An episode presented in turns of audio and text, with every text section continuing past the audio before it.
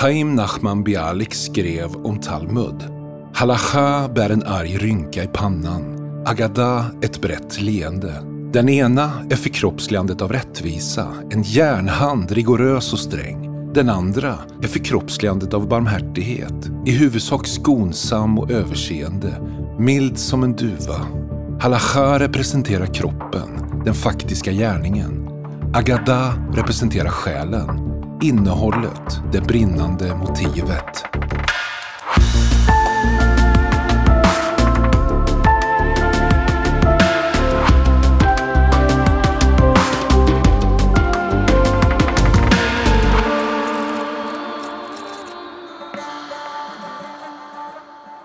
Roar, vilket årtal ska vi prata om idag?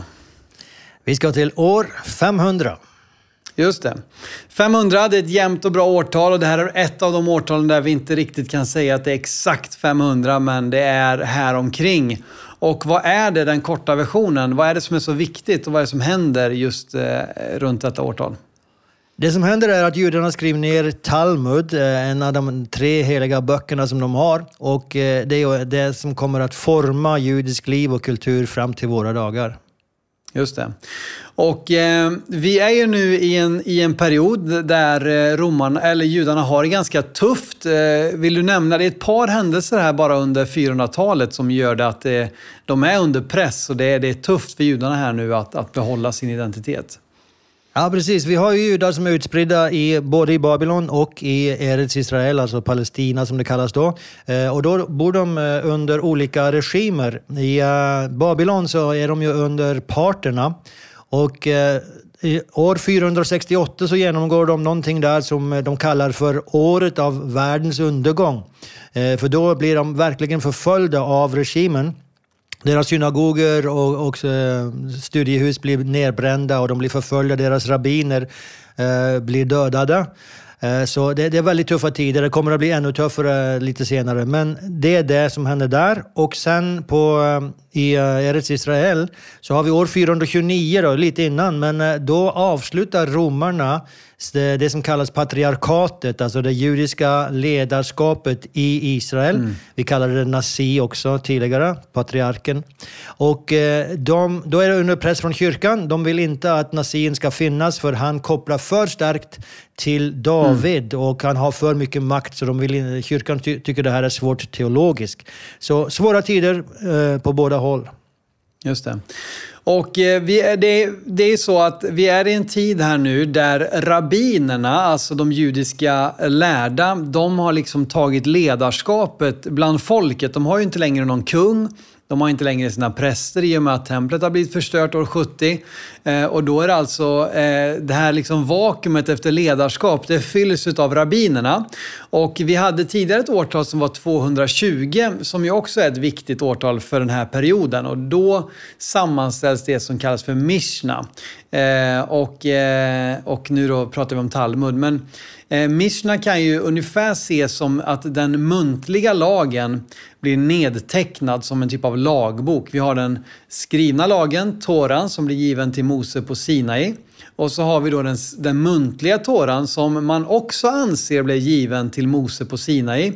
Och samtidigt som eh, den skrivna Toran skrevs ner så har den muntliga förts vidare genom århundradena. Men nu då efter templets förstörelse så ser man ett behov. Nu måste vi skriva ner detta. Och det är det då som man gör genom Mishna eh, år 220 ungefär.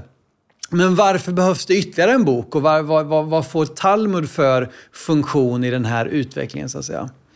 Precis. Det är ju just därför att Mishna är en lagbok. Eh, du har väldigt korta religiösa lagar, men de kräver ju ändå en förklaring. Eh, och eh, ibland så är inte förklaringen superenkel. Det kan bli en diskussion om vad den här lagen egentligen betyder. Och det är det som är egentligen Talmud. Det är en diskussion över Mishna. Eh, men den här diskussionen då blir då nedskriven och eh, om de når ett beslut så blir det nedskrivet. Når de inget beslut så blir det också nedskrivet och då har man kanske två, tre lösningar, mm. möjliga beslut.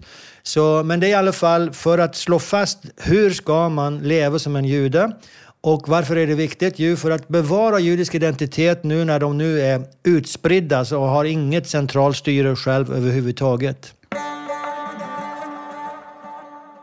Och man kan ju säga det, vi har använt uttrycket ibland tidigare, men, men vi kan ju känna igen eh, begreppet ortodox, eh, ort, alltså rätt lära, ortodoxi. Och som, eh, inom kristendomen kan vi vara väldigt upptagna med att vi ska ha rätt lära. Alltså vi har kyrkomöten, vi har trosbekännelser och vi är liksom noggranna med att ha rätt lära. Men judarna är minst lika upptagna, kanske mer upptagna med ortopraxi, att vi inte bara har rätt lära utan också har rätt praktik. Så att säga, att vi gör rätt, att vi lever rätt. Och det är ju här då som det blir så mycket diskussioner. Okej, okay, det här skrevs, lagen gavs till Mose på Sinai, Mishna skrevs i Eres Israel på 200-talet. Men nu lever vi i Babylon, hur ska vi hantera detta nu? Hur, hur lever vi rätt? Eh, och om du bara beskriver liksom Talmuds uppbyggnad. Eh, du har nämnt redan att det är ju en kommentar kan man säga, Eh, en förklaring, en tolkningsnyckel för Mishna. Men vad innehåller Talmud för olika delar? Talmud kan vi säga, det betyder att studera ungefär. Ehm, och liksom, vad, vad, finns det för olika delar i Talmud? Precis. När, när judar talar om Talmud då använder de ofta namnet Gemara. Och det är därför att Gemara är den biten som är diskussionsbiten av Talmud. Så, så mm. Mishna är liksom står för sig och så har du Gemara som är diskussionen. Och Gemara kan man återigen indela i två olika kategorier minst. Och det ena är då halacha som är religiös lag och det andra är agada. Och det är en lite lös term, men den, den inkluderar lite legender, anekdoter och tolkningar, eh, undervisning. Predikningar, ja undervisning. Mm. Predikningar, ja precis. Så, eh, och det, det, kan vara eh, väldigt uh, roliga saker också faktiskt, mm. anekdoter där och stories. Det finns mycket humor. Mm. Ja, precis. Det finns mycket humor. Egentligen så har man två underkategorier där också. Den ena, Agada-delen, handlar om lag Eh, lagar och det andra handlar om predikningar. Men oavsett, det, det är de två huvuddelarna, eh, halacha och agada. Men det bygger ju på Mishna sina sex kategorier eh, mm. av teman. Eh, så det, det, de sex teman som finns i Mishna kommer igen då i Talmud och det handlar om heliga saker, alltså offringar, det handlar om kvinnor och äktenskap och så vidare. Det handlar om skador, när det gör skador och så handlar det om heliga dagar, alltså högtider och så vidare. Mm. Ja. Och hur man ska så och skörda. Och det, det åt, man, man hör verkligen, det, det är verkligen det praktiska. Hur gör vi detta? Hur hanterar vi detta? Hur lever vi detta som judar? Eh, och det är ju det är ju en mastigt verk. Alltså vi, hela Mishna finns ju alltså uppdelad eh, i olika traktater och så följer då de här kommentarerna i Talmud. Eh, men vad, vad, vad, pratar vi om? Vi, vi sa någonstans 5 500 sidor ungefär eh, som, ja. som Talmud idag. Eh, och det brukar ofta delas upp i 16 eller 18 band. Alltså det, det, är liksom, det är ju ett bibliotek vi pratar om här. Ja, så är det. det. det. är mastigt och det, och det är som de säger, det här är ju inte sån här man tar med på sängen och ligger och läser. Eh, det, det, här, eh, man, man, man, studerar Talmud, man läser inte Talmud. Eh, så, det, det, är, alltså, om vi ska bara jämföra det med Bibeln så är det en jätteskillnad mm. på de här två verken där Bibeln är berättelser, eh, det är mm. liksom de stora dragen och hur Gud agerar, medan Talmud är som att komma in i en rättssal och eh, få höra skarpa argument åt olika håll. Ja. Och det är ju nästan alltså som en typ av protokollförande från en rättssal. Alltså just att man får de här kommentarerna, man har argumenten, ibland har man flera olika åsikter eh, och sådär. Så att det, det är väl ett, ett, ganska bra sätt att beskriva det på kanske, liksom in i en rättssal och lyssna på protokollet ifrån de här samtalen och argumenten och försöka göra, liksom, göra slag för sin sak. Eh, och sen så, det, det så lättas det lite upp med, med lite agada inemellan då, lite Just stories. det, med de här anekdoterna och legenderna och sådär.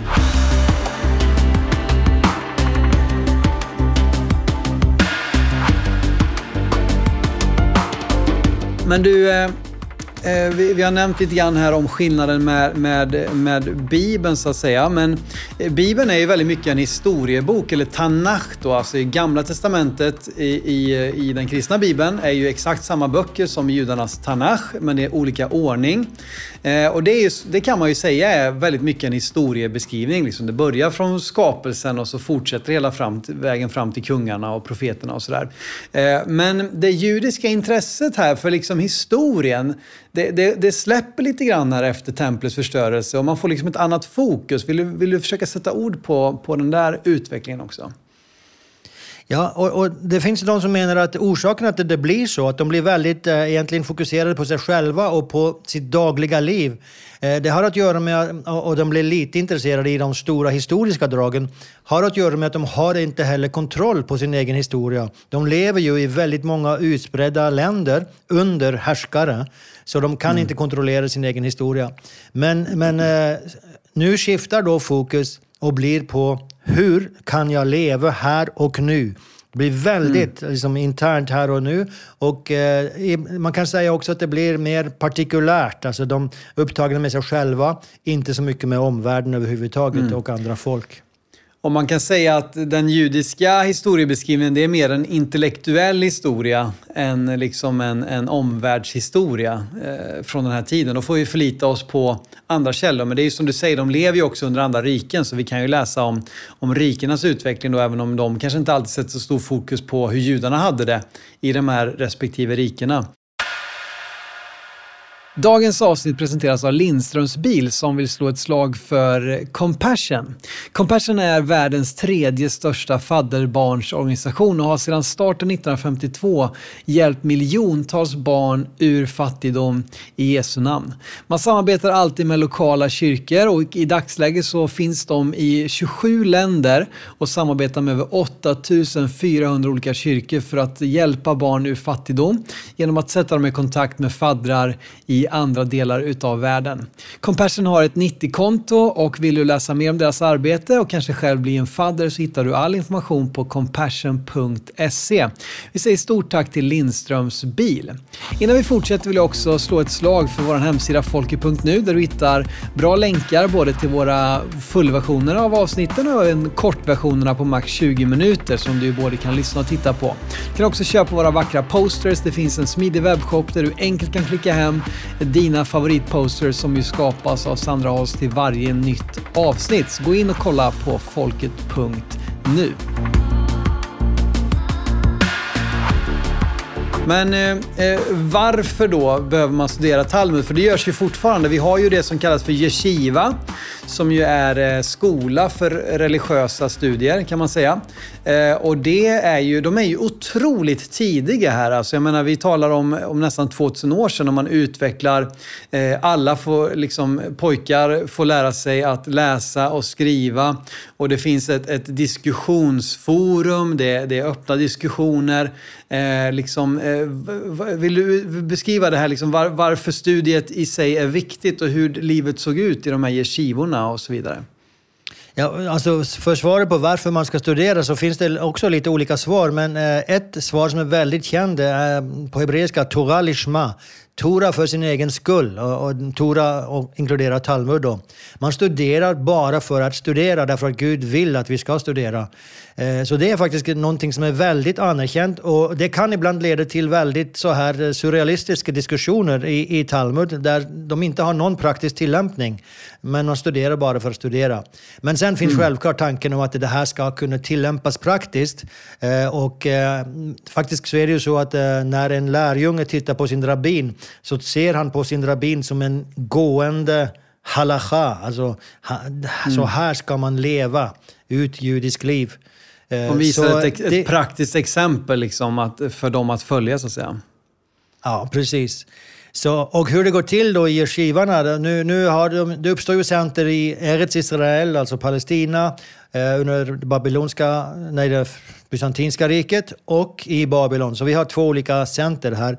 Men det går till på samma sätt egentligen båda ställen. Och eh, det är ju det att det finns en ledande rabbi på, i varje center. Och eh, väldigt ofta så vill han stå fram och ge en föreläsning, en utläggning. Och sen så vill han bjuda fram en av sina meningsmotståndare, en annan rabbi, som ger ett annat syn. Och sen vill det här mm. diskuteras. Så det är ett väldigt vanligt sätt som det görs på. Mm. Och ett annat sätt är att han lägger fram sin eh, utläggning och sen ber han sina studenter komma fram och repetera vad som blev sagt så han vet att de har förstått. Och sen går de och diskuterar det här under dagen och sen på eftermiddagen så kommer de tillbaka och så diskuterar det gemensamt.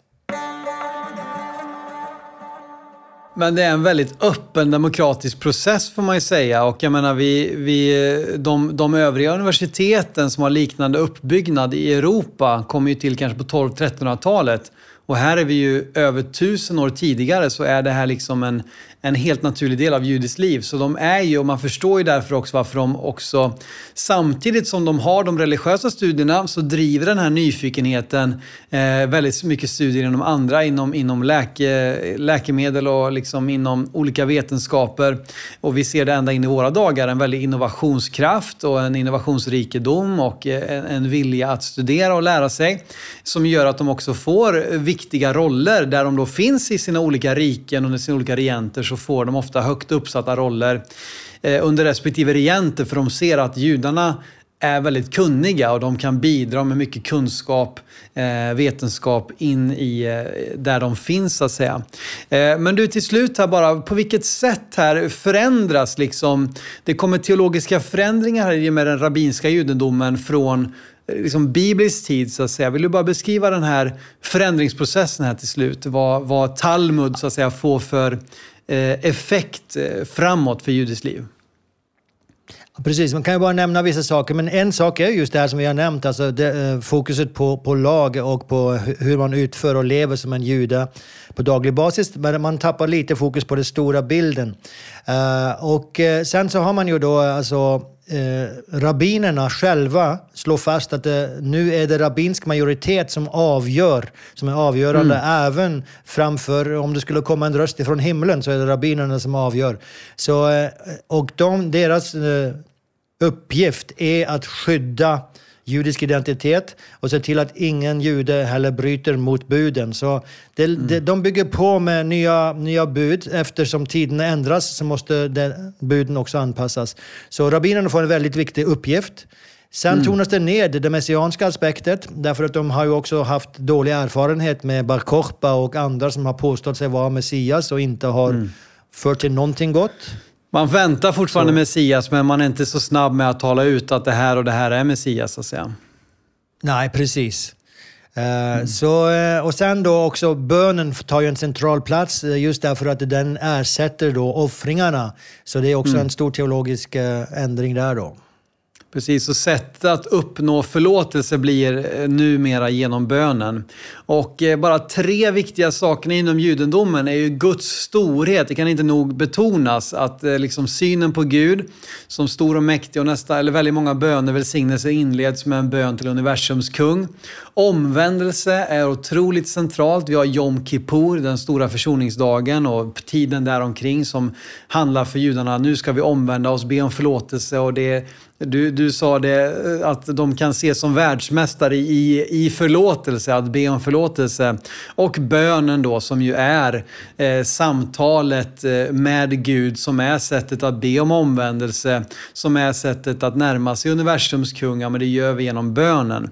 Så att eh, det här lägger grunden till ett samhälle byggt på studier, där tron på Gud eh, ändå är det som formerar och eh, som de identifierar sig med. Och det var också den korta versionen utav år 500. Vill du lyssna på fullversionen utav detta avsnitt så hittar du överallt där vår podd finns. Du kan kolla in vår hemsida folket.nu och vårt Instagramkonto Folket som överlevde. Och snart är vi tillbaka med ett nytt spännande årtal. Så hoppas vi ses snart igen.